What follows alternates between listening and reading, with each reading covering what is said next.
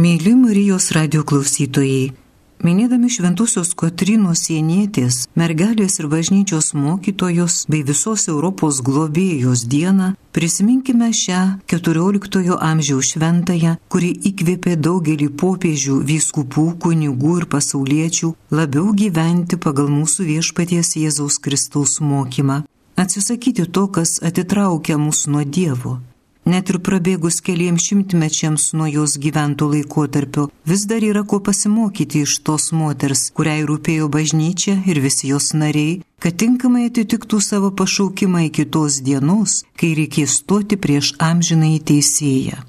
Pasiklausykime italų kunigo karmelitų ordino vienuolio Antonijos Sikari teksto. Šis kunigas nuo 1967 metų ėjo žurnalo komunijo redaktoriaus pareigas ir yra bažnyčios dogmatikos bei istorijos profesoriumi karmelitų teologijos studijoje. Kuningas teologas ir vienuolis karmelitas Antonijus Sikari yra daugelio esė dvasinėmis temomis autorius, ypač jas rašė atsižvelgdamas į šventųjų gyvenimo istorijas, apmastydamas jų asmenybės. 2003 metais tėvas karmelitas Antonijos Sikari buvo paskirtas Šventojo Sosto dvasininkų kongregacijos patarėjų. Kunigas Antonijos Sikari Šventosios Kotrynos Janietės portretas skaito Violeta Mitskevičiūtė. Viduramžiai blėso, artėjo jų ruduo, o kartu derliaus metas.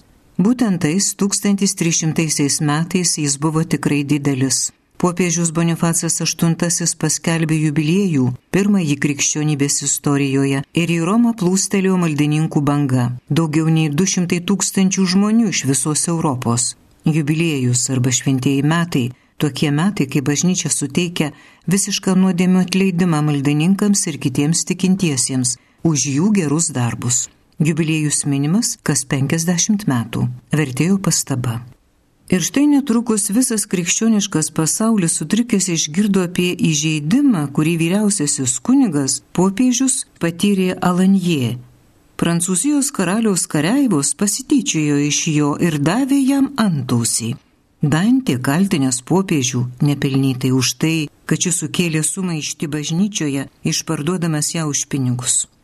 Žiūrėkite dieviškąją komediją Pragaras 1954. Dabar su pagarbia meilė rašė apie jį kaip apie Kristaus paveikslą. Žiūrėkite skaistikla 20-ojo 85-90. Po kelių savaičių Bonifacas VIII mirė nuo infarkto ir popiežiaus valstybė pateko į nemielą Prancūzijos karaliaus globą. Šie audringi amžiaus pradžios įvykiai sudarė sąlygas popiežiaus išvarimui iš Romos, didžiai nelaisviai. Ši tragiška situacija tęsiasi jau 40 metų, kai pasaulį išvydo Kotrina Beninkasa 1347 metais.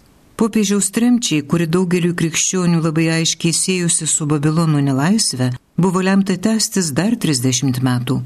Šiandien kai kurie istorikai teigia, kad ši 70 metų tremtis išgelbėjo popiežiaus valstybę nuo anarchijos ir susiskaidimo, grėsusio Italijai, kad popiežiaus kurija Avinjone išmokusi pažangių valdymo metodų. Kad ir kaip ten būtų, anuomet Avinjono nelaisvė buvo laikoma nelaime ir išdavyste. Dantė sakė, kad bažnyčia susituokė su Prancūzijos karalyste O Petrarka, kurios sąžinė beje nebuvo tokia tyra, teigia, kad avinjonas tai pragaras gyviesiems ir žemės kloaka. Tai buvo neteisingi vertinimai, bet jie gerai perteikia daugelio žmonių nuotaikas, ypač turint omenyje, kad Dantė buvo teisus vadindamas nedorais ganytojais kai kuriuos avinjono trimties metų popiežius, nors tarp jų būtų ir šventų žmonių. Šiaip ar taip amžiui pusėjus, krikščioniškas pasaulis buvo apimtas baimės Italijoje liepsnojo pilietinis karas, kuriame vieni miestai kovojo su kitais, o pačių miestų viduje vyko brolžudiška grupuočių kova. Vokietijoje klėstėjo chaosas, Anglija ir Prancūzija įsivėlė į tragišką šimtametį karą, Rytų imperija suskilo ir turkai kėlė pavojų Europos šalims. Visur kildavo valstiečių sukilimų, nes jie jautėsi engiami ir niekinami. Badas ir stichinės nelaimės buvo dažni reiškiniai. Ir tarsi nebūtų gana visų kitų nelaimių, būtent 1347 metais kilo ta baisi juodojo maro epidemija, apie kurią rašė Bokačas. Per keletą mėnesių išmirė daugiau nei trečdalis Europos gyventojų. Sienoje iš 80 tūkstančių gyventojų taliko 15 tūkstančių. Būtent tais baisiais 1347 metais Sienoje gimė Kotrina, draugė su sesute Dvinė. 24 dažytojo Jokūbo ir Lapos, ji buvo amatininko gaminusio noragus duktė, vaikas. Kotrinos sesutė Dvinė netrukus mirė bet jau kitais metais šeimoje vėl gimė vaikas. Be to jį priglaudė našlaičių likusi Kotrinos pusbrolį, kuriam te buvo dešimt metų. Vėliau jis taps vienuoliu Dominikonu ir bus pirmasis Kotrinos nuodėm klausys. Kotrina tapo legenda, kurie augo pasakojimais apie jos vaikystę ir jaunystę buvusius stebuklus. Apie kai kuriuos iš jų pasakojo pati Kotrina, apie kitus jos nuodėm klausys ir nesuskaičiuojami jos talentų gerbėjai, nuolat ją supę ir žavėjosi brandžiu jos šventumu. Gali būti, kad šis ta šiuose istorijose pagražinta, bet tai buvo daroma tik siekiant perteikti žodžiais neišreiškiamą, nežemišką jo žavumą. Šiaip ar taip tiksliai žinoma, kad vaikystėje Kotrinai neišdildomą įspūdį padarė regėjimas, kurio metu jie išvydo besišypsantį Kristų, iš kurio širdies klydė šviesos spindulys, palėtė ją ir sužeidė. Ir mergaitė augo nepanašiai savo gausius brolius ir seseris. Daugumos jų mes net vardų nežinome, augo išventinta savo noru jau septynmetė davusi skaistumo, tai yra išimtinės meilės Kristui įžadą, ir šis pažadas liko neatšaukiamas. Jei dar nebuvo sukakę dešimties, o ji jau troško tylos, maldingos vienumos, askezis. Jeigu šis amžius jums atrodo pernelik jaunas, prisiminkime, kad visas jo žemiškasis kelias, toks turtingas įvykių ir susitikimų, tesitėsi 33 metus ir kad per šį laiką ji tiesiog sudegė tarnaudama Kristui ir bažnyčiai. 15 metų, norėdama, kad motina bergžiai troškusi ją sužieduoti nebeturėtų jokių vilčių, Kotrina žengė ryštingą žingsnį. Jie išėjo į savo kambario nusikirpusi ilgus plaukus. Tai buvo padariusi ir šventoji Klara Sižietė. Nuo šiol ji tuo metu papročiu tapo apkirptąją mergaitę, tai yra įsilaisvinusią nuo pasaulietiškos tuštybės, išventintąją. Norėdama nubausti Kotryną ir atkalbėti nuo absurdiško motinos požiūrių sumanimo, jie atleido tarnus ir užkrovė dukrai didumą namų ruošos darbų. Motina manė, kad prispausta šios nepakeliamos naštos mergaitė nebeturės laiko svajonėms apie vienuolės dalę. Pasakojama, kad sykį dėl nuovargio ar giliai panirusiai mintis mergaitė pernelyg žemai palinko prie žydinio ir liepsnai ilgai laižė jos veidą, nedegindama jo. Gali būti, kad tai tik legenda, šiaip ar taip žydinys vienintelė išlikusi Kotrinos namų dalis. Iš Kotrinos atėmė netgi jos mažyti kambarėlį, kad ji negalėtų vienumoje melstis, ir nuo tol ji visam laikui išmoko ieškoti vidinės užuoglaudos. Vienoje iš jos biografijų sakoma, jis savo sieloje įsirengė celę ir išmoko niekuomet iš jos neišeiti. Su motina Kotrina buvo švelni ir paklusni, bet savo neatsižadėjo. Vėliau, kai jai teks nuolat keliauti ir motina ims skūstis, kad ji ilgam išvyksta, Kotrina, jau tapusi savo motinos dvasinę vadovę, šiek tiek priekaištaudama parašys jai. Visą tai jums nutinka todėl, kad labiau mylite tą dalį, kurią esu gavusi iš jūsų, nei tą, kurią gavau iš Dievo. Tai yra kūna, kurį man davėte. 240 laiškas. Pedagoginėje literatūroje retai kada taip tiksliai ir krikščionybės požiūrį teisingai aprašomas blogis, kurį tėvai gali padaryti savo vaikams, mylėdami iš jų perimtą kūniškąją esybės dalį labiau nei Dievo duotą sielą nepakartojama, sukūrėjo jai numatytą paskirtimi. Pagrindinę aukščiau cituoto laiško mintį išreiškia šie Kotrino žodžiai - karštai troškau regėti jūs tikra ne tik mano kūno, bet ir sielos motina. Bėgo kančių ir laukimo mėnesį.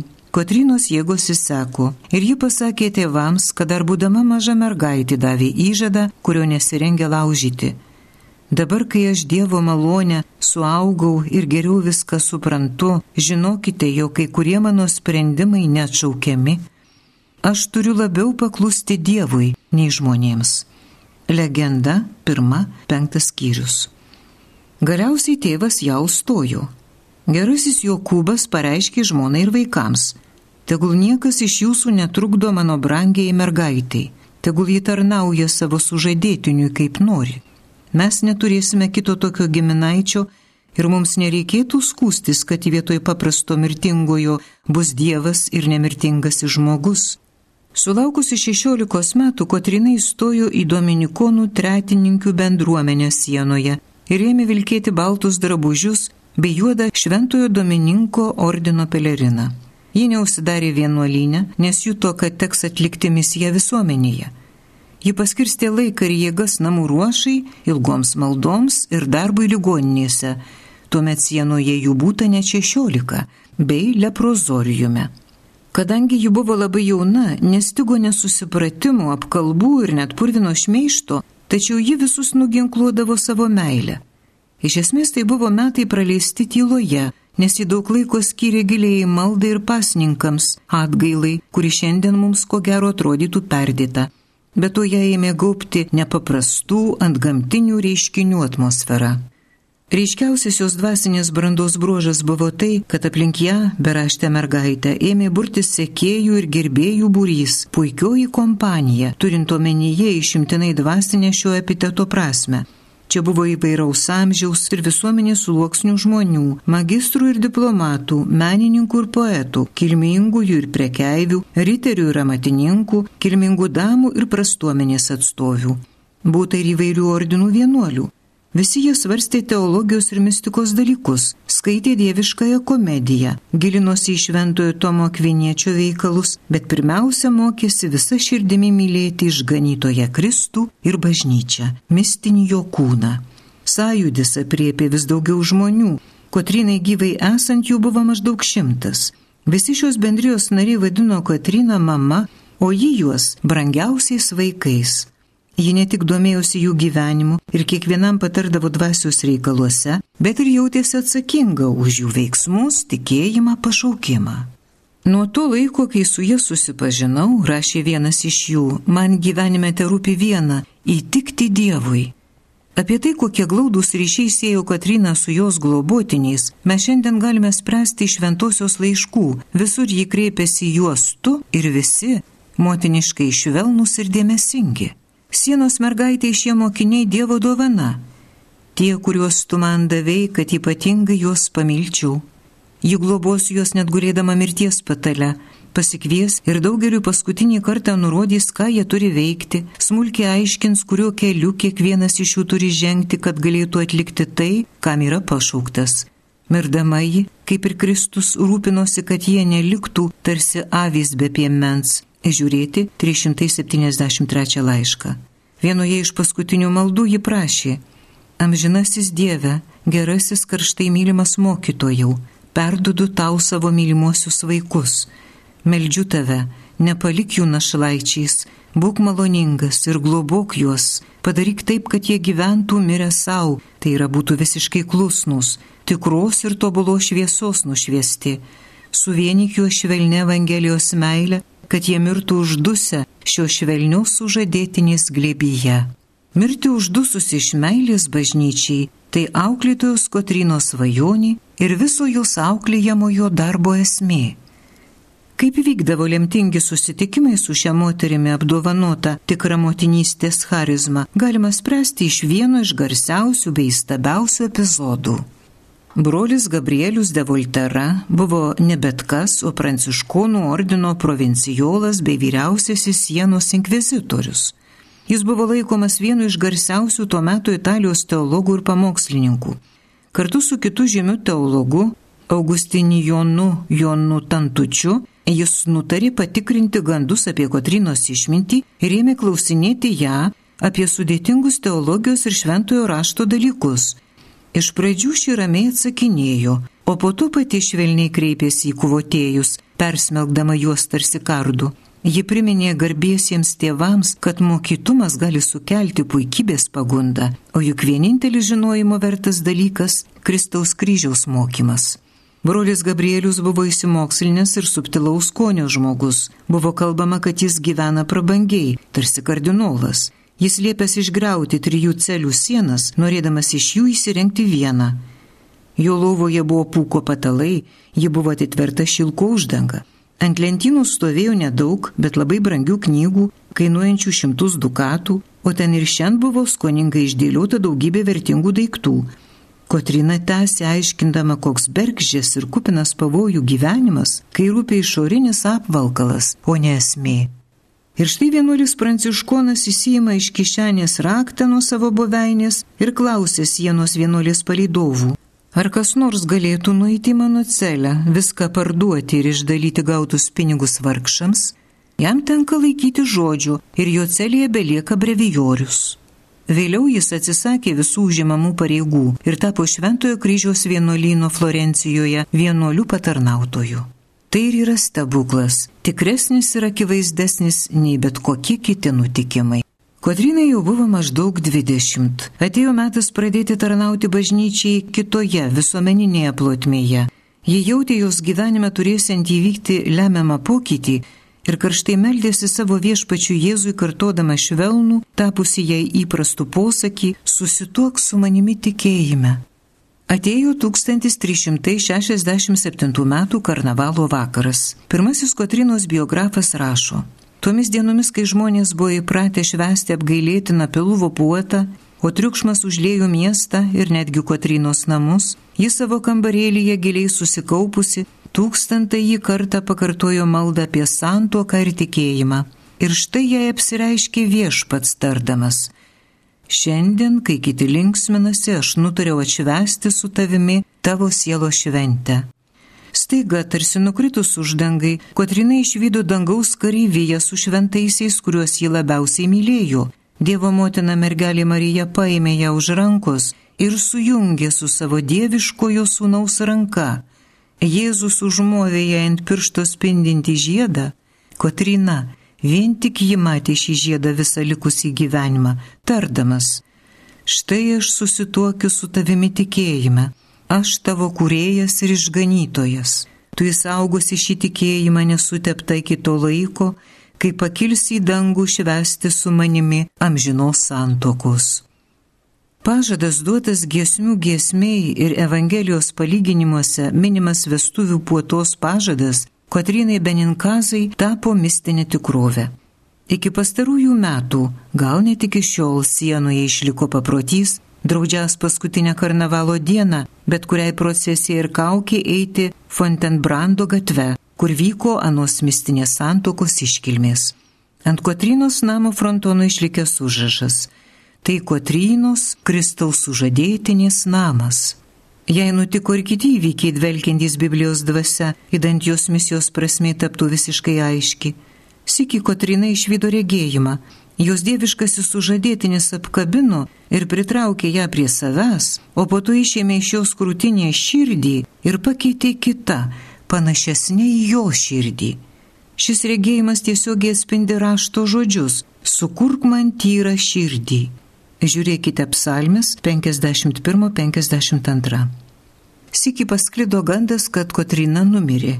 Tad sekėjų ir mokinių minė susirinko prie jos mirties patalo. Vėliau jis sakė, kad jo širdį draskė Dievo meilė ir kad ji patyrė mirtį išvykusi rojaus vartus, bet jai teko atsitokėti žemėje. Jis skundėsi. O, kokia aš nelaiminga.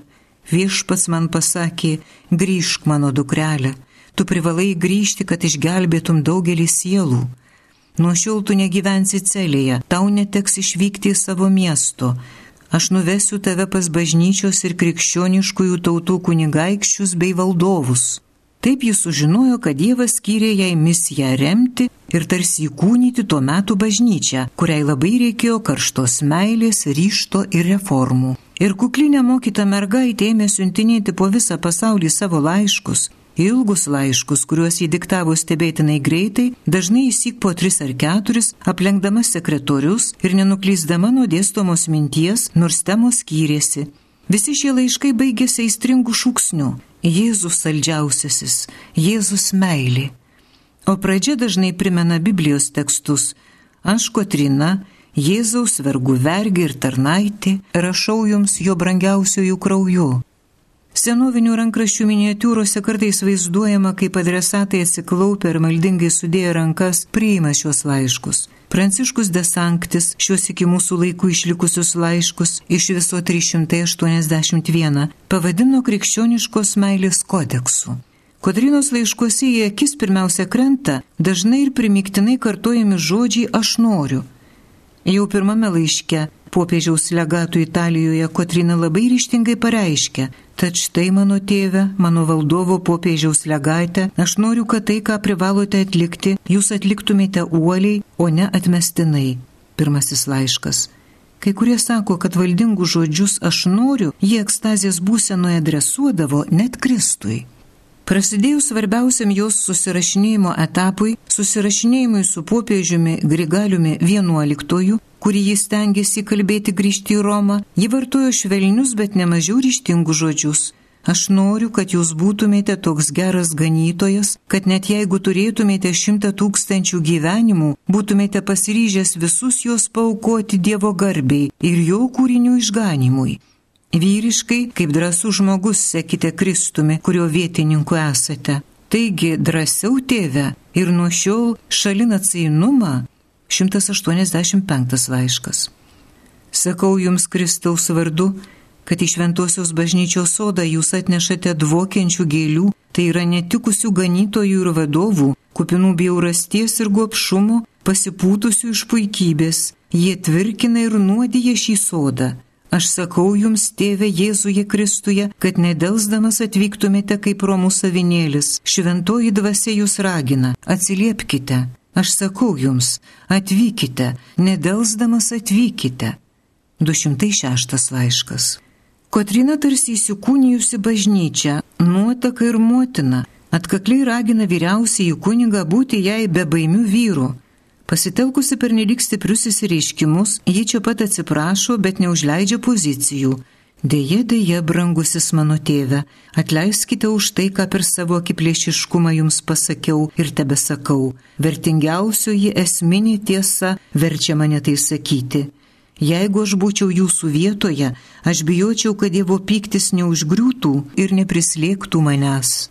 255 laiškas. Toks pats ir laiškų kunigaikščiams, kitiems vadovams stilius ir tonas. Milano valdovui Barnabui Viskončiui, rengusiam maištą prieš popiežių, įrašo ilgą karštą laišką, ragindama pirmiausia rūpintis vadovavimu miestui. Ji kalba apie Dievo meilę, apie Jėzaus kraują ir apie popiežių. Net jeigu popiežius būtų įsikūnijęs velnės, aš neturėčiau prieš jį maištauti.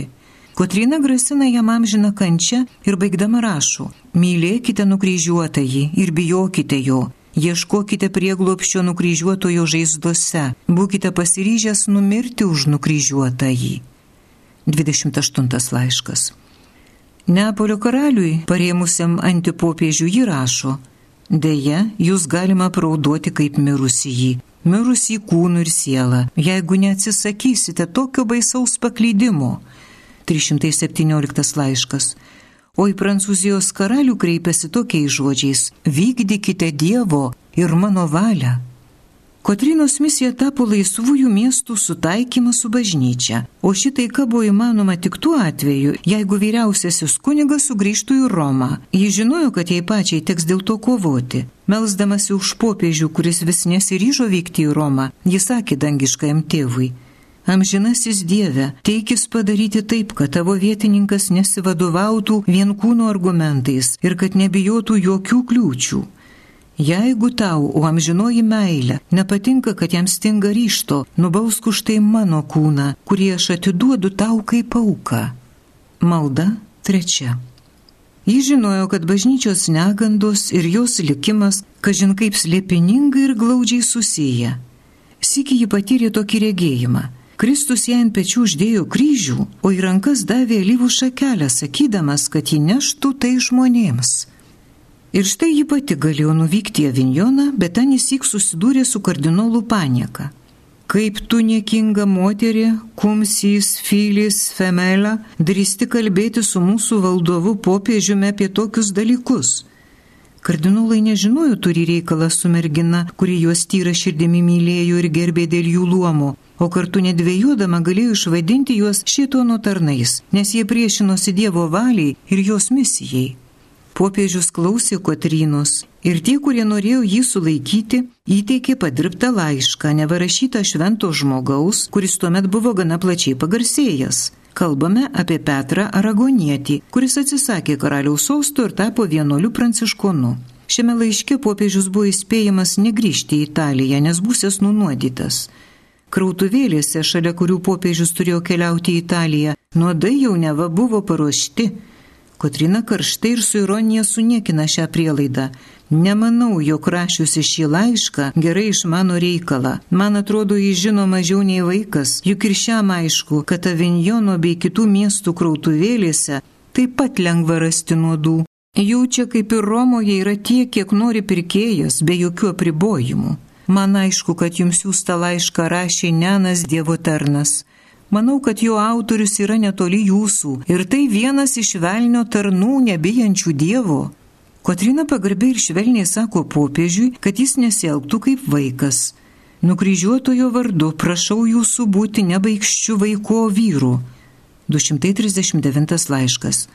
Kotrina pavertė niekais beveik visų kardinolų, o 21 iš 26 buvo prancūzai, argumentus. Šie vienas per kitą patarė popiežiui negrįžti į Italiją. O ji pasitelkė vieną vienintelį argumentą. Man atrodo, kad geri žmonės sprendimus turi priimti vadovaudamiesi vien tik norų šlovinti Dievą, gelbėti sielas ir reformuoti šventąją bažnyčią, o ne savo savimėlę, nes jie siekia tik to, ką myli. 231 laiškas. Pagaliau 1376 metais Grigalius XI, paskutinis popiežius prancūzas, pasiryžo didžiam žingsniui ir iškeliavo į Romą. Tačiau nepaisant to, kad tapytojai ir skulptoriai vaizdavo Kotryną žengiančią procesijos prieš akiją ir laikančią popiežiaus žirgą už vaidelių, šventoji nelydėjo jo į Romą, o išvyko į sieną. Ten ji nuolat skubėdavo į savo nuošalaus prieglupščio pas tuos, kuriems reikėdavo taikos ir Dievo palaimos. Ji lankė nuodėmėse skendinčių žmonės. Nors šie ir nenorėjo su jie susitikti, bet Kotrina juos paveikdavo. Ji bendravo ir su užkėtėjusiais nusikaltėliais, ir su nevilties apimtais myriop nuteistais žmonėmis. Kotrina padėjo pasitikti mirtį Mykolui Detuldo, taip kaip vaikui padedama gimti. Mykolas buvo kilmingas perudžėtis. Ji nuteisė mirti už neatsargius žodžius apie valstybę. Jis turėjo pagrindo blogai kalbėti apie žmonės verčiančių save vadinti prakilniaisiais ponais ir tėvais, sienos miesto globėjais. Bet to šį užsienietį buvo nesunku apkaltinti ir šnipinėjimu. Vienas iš mačiusių jų rašo. Jis vaikščiojo po kamerą apimtas nevilties, jis nenorėjo eiti iš pažinties, nenorėjo klausyti, kaip vienuolis ar kunigas kalbės apie jo išganimą galiausiai nusintė pakviesti tos mergaitės. Iš gailestingos meilės jie atėjo pas jį į kalėjimą. Apie tai, kas buvo toliau, pasakoja pati Kotrina. Ir šiuose teksto eilutėse, pasak Tomazijo, jūs teisyk ir bauginanti Mikelandželo gale ir Fra Angeliko švelnumas. Aš nuėjau aplankyti tą, kuris jums žinomas ir jis sulaukė tokios paguodos ir padrasinimo, kad panoro eiti iš pažinties. Aš nuvedžiau jį į mišes, Jis jau šventosios komunijos, kurios seniai nebuvo ėmęs, ir aš pasakiau, drąsos mielasis broli, pasiguosk tuo, kad netrukus mes būsime vestuvių pokylyje. Tu keliausi ten nuplautas brangiausiojo Dievo sūnaus krauju, su saldžiu Jėzaus vardu lūpose.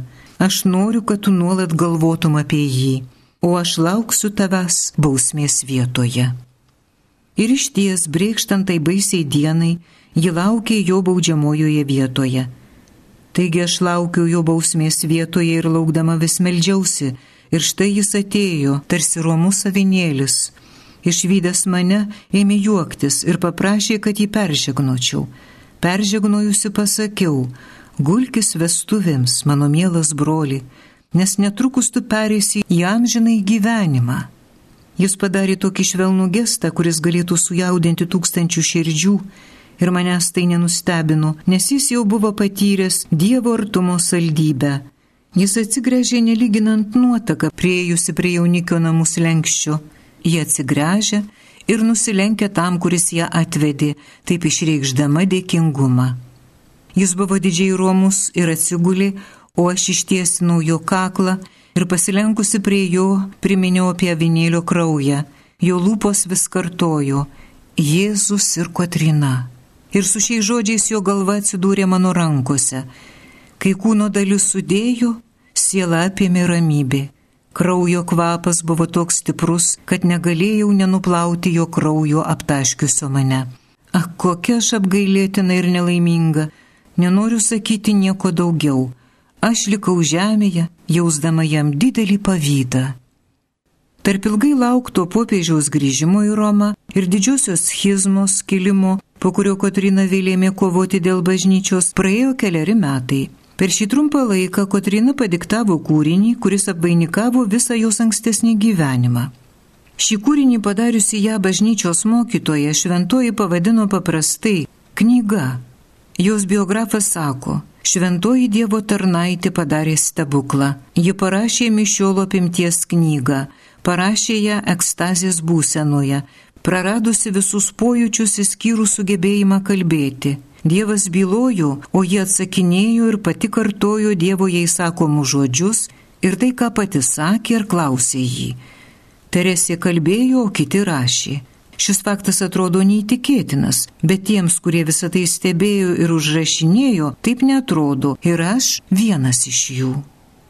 Knygą sudaro 167 skyriai, sugrupuoti į keturias dalis, nes tiek aistringų troškimų, kotrinai įsakė dangiškajam tėvui. Pirmasis prašymas - būti gailestingam kotrinai. Ir Dievas atsako jai padėdamas pažinti save ir jį panardindamas ją į šviesą, akinančią žmogų, kuris pagaliau suvokė savo menkumą Dievo akivaizdoje, tačiau kartu didžiai stebėdamasis patiria, kad Dievas nuo amžių įsimylėjęs į jį į šią menkystę. Antrasis prašymas - gailestingumas pasauliui. Trečias - gailestingumas šventai bažnyčiai. Kotrina meldė Dievą įsklaidyti tamsą, užkirsti kelią persekiojimams. Ji prašė, kad jai būtų leista nešti bet kokios neteisybės naštą. Ketvirtas prašymas - apvaizda visiems. Į kiekvieną prašymą Dievas nuodugniai atsako ir šie atsakymai apriepia visą krikščionybės mokymą - teologiją, dorovę ir askezę. Pirmiausia, Dievas tėvas sako, kad jau esame gavę gailestingumo dovaną Norėdamas išgydyti gausiai susikaupusias negandas, aš daviau jums tiltą, kad neskestumėte audringoje šio tamsaus gyvenimo jūroje. Šis tiltas tai mano sūnus. Tilto įvaizdis primena Jėzaus žodžius, kad jis yra kelias, jo dėka mes ir galime įveikti pasaulio kartėlį. Nuo pasaulio iki tėvo kylama pagarbiai einant šiuo tiltu, Kristaus kūnu, tris kartus jį bučiuojant, į kojas, į širdies liepinius ir į meilės nukryžiuotus dėl mūsų lūpas. Tai trikartis pranciškonų mistikos bučinys - į kojas, į lūpas ir į širdį - oskulium, pedum, oris et cordis. Taigi XIV amžiaus pabaigoje Kotrina baigė amžiaus pradžioje Dantės pradėtą darbą. Jį įrodė, kad liaudės kalba gali tikti ir teologijai bei mystikai. Vos įspėjo baigti rašyti apie providencialiją, apvaizdos meilę, su kuria tėvas žvelgia į pasaulį ir į savo bažnyčią, įvyko didžioji schizma. Vieni ir tie patys kardinolai išrinko du popiežius. Katalikiškas pasaulis suskilo į dvi dalis. Ir 40 metų bažnyčia draskė abejonės, kuris iš jų teisėtas ganytojas. Teisėtasis popiežius Urbonas VI pasikvietė Kotryną į Romą ir jį drąsiai jį gynė, padėjo įveikti dviejonės ir netikrumą. Ji net kreipėsi į atvirą kardinolų konsistoriją susirinkimą. Ir štai mano broliai, baigdamas pasakė Urbonas VI, kokiu priekaištu mes nusipelnėme Dievo akivaizdoje. Mes tokie nedrasūs ir ši moteris mus trikdo. Aš vadinu ją silpna moterimi ne iš paniekos, o todėl, kad jie atstovauja silpnai lyčiai. Ji turėtų dvėjoti, o mes būti kupini ryšto, bet ji yra ryštinga, o mes dvėjojame. Ir ji mus drąsina savo šventais argumentais. tai jos garbė, o mūsų gėda. Biografai teigia, kad būtų galima mėno po mėnesio atkurti Kotrinos veiklą ginant popiežių. Laiškai ir kiti raštai beveik visiems Europos vadovams, patarimai popiežiui, kaip iš esmės atnaujinti kūriją, o pirmiausia pastangos suburti aplink popiežių tuos, kuriuos ji vadino gerųjų sambūrių - 305 laiškas. Galiausiai 1378 m. gruodžio 13 d. Urbonas VI ryžosi prašyti dvasinės paramos ir pati Kotrinai siuntinėjo jo bulę su savo laišku visiems dvasinį autoritetą turintiems asmenims, kuriuos ji pažinojo prašydama, kad jie atvirai ir sutartinai paremtų Urboną VI. Ji be jokių ceremonijų kreipėsi ir į tuos šventus žmonės, kurie nusišalino, aiškindami turi pasišvesti kontempliacijai vienumoje Kartu ji buvo blaivi realistė ir matė, kad impulsyvus ir aršus popiežiaus Urbono šeštojo būdas trukdo siekti santarvės. Kotrina jam rašė, prašau nepykti, bet meilė verčia mane pasakyti tai, ko gal ir nereikėtų sakyti. Bet aš manau, kad jūs turėtumėte pažinti savo vaikus, Romos gyventojus. Juos lengviau patraukti ir palengti meilę, nei prievartą rūščiai žodžiais. 370 laiškas. Ir kalėdų proga ji kaip subtilę užuominą padovanojo vyriausiajam kunigui penkis apelsinus, įdarytų suogene pagal senovinį sieniečių receptą. Pasinaudodama progą ji paaiškino popiežiui, kad iš prigimties kartus vaisius gali tapti saldus ir jos skonis atitiks auksinę luobelį spalvą. Apelsinas yra kartus ir aitrus, bet išėmus tai, kas yra jo viduje ir palaikius vandenyje, kartumas išnyks vėliau į vidų pridedama malonių dalykų, o išorė pauksuojama. Tad štai švenčiausiasis tėve, pasitelkę saldumynus, turėsime vaisių be nemalonaus kartėlių. 346 laiškas. Istorikai sako, kad Kotrina faktiškai privertė pasaulį pripažinti popiežių Urboną VI. O jos organizmas jau buvo nualintas sunkumų ir išgyvenimų, nors jai nebuvo ne 33 metų. Jis sakė, turinti pirmiausia aukoti save. Ji meldėsi. Amžinasis Dieve, priimk kaip atnaša mano gyvenimą šiame mistinėme kūne, šventojoje bažnyčioje. Aš neturiu ką paukoti įskyrus tai, ką tu man esi davęs. Paimk tad mano širdį. 371 laiškas. Per 1380 m. gavėnę Kotrina beveik negalėjo judėti. Vis dėlto ji davė įžadą kasdien vaikščioti į Šventojo Petro baziliką. Ji rašė savo nuodėm klausiui. Kokį skurdą mes matome šventojoje bažnyčioje, nes jį liko viena, visų apleista. Todėl nepaisant visiško įsėkimo, dėl kurio jie teko prilaikyti, ji kiekvieną rytą įsiruoždavo eiti pas savo sužadėtinį, kuris taip pat buvo visų pamirštas. Jis sakydavo, vienaip ar kitaip, Aš negaliu pasakyti kaip, mano gyvenimas baigėsi, lašas po lašo nutekėdamas į šią saldžiausiąją nuotaką.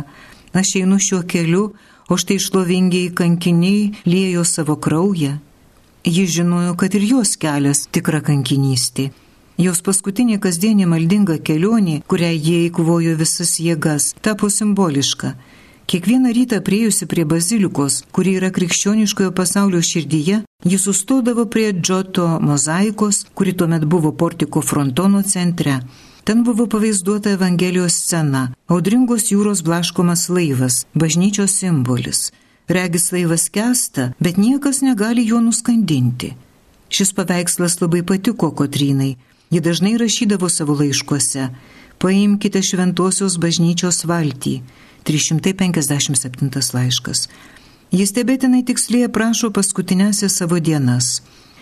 Atėjus trečiai valandai aš pakilu po mišių ir jūs galėtumėte pamatyti, kaip mirusioji eina į Šventojo Petro baziliką. Aš vėl įlipu darbuotis į Šventosios bažnyčios valtį. Bazilikoje aš išbūnu beveik iki vakarinių pamaldų Ir ten aš norėčiau būti dieną ir naktį, tol kol pamatysiu šią tautą tvirtai susijęta su tėvu. Mano kūnas lieka be jokio maisto, net be lašelio vandens, ir jį drasko tokie stiprūs skausmai, kokių niekuomet nebuvau patyrusi, tad gyvybė vos terusena jame. Nežinau, ką Dievas maloniai skirti mano daliai, bet kalbant apie kūno pojūčius, manau, kad dabar turiu juos sustiprinti nauja kančia mano sielos saldybės, tai yra šventosios bažnyčios labui. Gali būti, kad vėliau jis prikels mane, kai prisikėlė pats, ir tasik bus padarytas galas ir mano menkystiai, ir nukryžiuotiems norams. Aš meldžiau ir tebe meldžiu gailestingą į Dievą, kad vykdyčiau jo valią. 373 laiškas. Taip Kotrina praleido savo paskutinę gavėnę, kentėdama draugė su bažnyčia, kurią ji pavadino mano sielos saldybę ir kartu su jie laukdama prisikėlimo dovanos. Jai nepavyko iki galo išpildyti savo įžado. Trečio pasninko savaitę, kai ji meldėsi priešais mozaiką, jėgos ją apleido. Pasak jos, visas valties ir jos gabenamų nuodėmių svoris tarsi užgriuvo ant jos trapių pečių ją nunešė jos mažytę celę popiežiaus gatvėje, kartais tokios smulkmenos graudina. Ten ji gulėjo prikaustyta prie lovos maždaug aštuonias ilgos agonijos savaitės. Sekmadienį prieš Kristaus žengimo į dangų šventę, šeštines, visiems pasirodė, kad Kotrina nepaprastai stipriai kenčia. Mačiusieji girdėjo, kad ji ilgai kartojo, Dieve pasigailėk manęs, neleisk man pamiršti tave. Vėliau jie ėmė prašyti, viešpatie padėk man, viešpatie paskubėk man padėti. Ir galiausiai, tarsi atremdama kaltinimą, pasakė, tuštybė, ne, vien tik tikra šlovė Kristuje. Tai buvo kunigo Antonijos Sikari tekstas, šventosios Kotrynos sienietės portretas. Skaitė Violeta Mskevičiūtė.